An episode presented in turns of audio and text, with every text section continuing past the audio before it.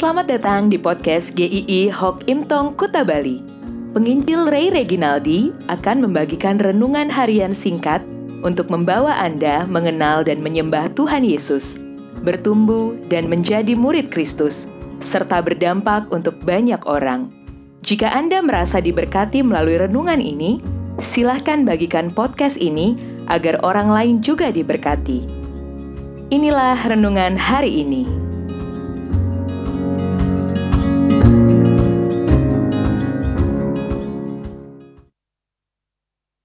Penyembah-penyembah benar. Yohanes 4 ayat 23. Tetapi saatnya akan datang dan sudah tiba sekarang bahwa penyembah-penyembah benar akan menyembah Bapa dalam roh dan kebenaran. Sebab Bapa menghendaki penyembah-penyembah demikian. Sebuah lagu Kristen yang terkenal berjudul The Heart of Worship lahir karena ada kisah di baliknya Lirik ini dimulai dengan kalimat When the music fades Ketika musik itu berhenti.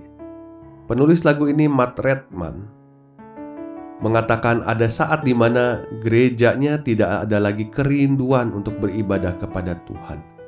Maka hamba Tuhan yang memutuskan untuk tidak memakai semua alat-alat musik dan sound system yang canggih-canggih Supaya jemaat kembali menyadari apa arti menyembah sesungguhnya ada banyak orang Kristen bisa kehilangan makna menyembah yang sesungguhnya. Arti menjadi penyembah yang benar.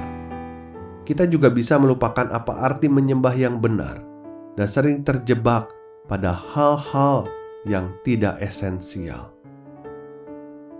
Tuhan Yesus mengatakan Bapa menghendaki penyembah-penyembah yang menyembah dalam roh dan kebenaran. Dan dia melanjutkan alasannya Allah itu roh, barang siapa menyembah dia harus menyembahnya dalam roh dan kebenaran. Menyembah dalam roh dan kebenaran itulah inti dari seorang penyembah yang benar. Tuhan Yesus tidak memberikan opsi lain, dia hanya mengatakan Bapa menghendaki penyembah yang menyembah dalam roh dan kebenaran. Roh adalah bagian manusia yang tidak kelihatan.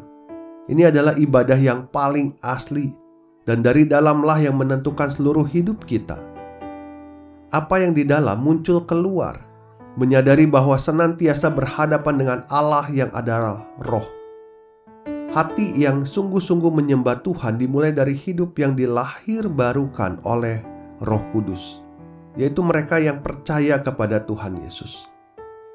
Jika kita melakukan berbagai ritual ibadah, kita rajin sekali beribadah, tetapi hati kita, roh kita belum diubahkan, itu tidak ada artinya. Kita adalah orang-orang yang dibenarkan oleh Allah. Roma 6 ayat 18 mengatakan, "Kamu telah dimerdekakan dari dosa dan menjadi hamba kebenaran." Sebagai orang-orang yang dibenarkan Kristus, kita harus menyembah dalam roh dan kebenaran. Penyembah yang benar erat kaitannya dengan praktek kehidupan sehari-hari. Penyembahan yang sejati adalah memberikan seluruh hidup untuk kemuliaan nama Tuhan. Ritual keagamaan tanpa hati yang benar di hadapan Tuhan itu tidak ada artinya. William Temple mengatakan, ibadah adalah penyerahan seantero keberadaan diri kita kepada Tuhan. Orang Israel pernah jatuh pada kesalahan hanya menyembah sekedar ritual tetapi tidak ada koneksi hati dengan Tuhan. Cara menyembah yang Allah inginkan adalah seperti itu, menyembah dalam roh dan kebenaran. Bukan berarti menyembahnya dengan berbahasa roh, tetapi dengan hidup yang sudah diubahkan oleh Roh Kudus dan mempersembahkan semuanya kepada Tuhan berdasarkan hidup yang sudah dibenarkan oleh Kristus juga dan berdasarkan kebenaran firman Tuhan.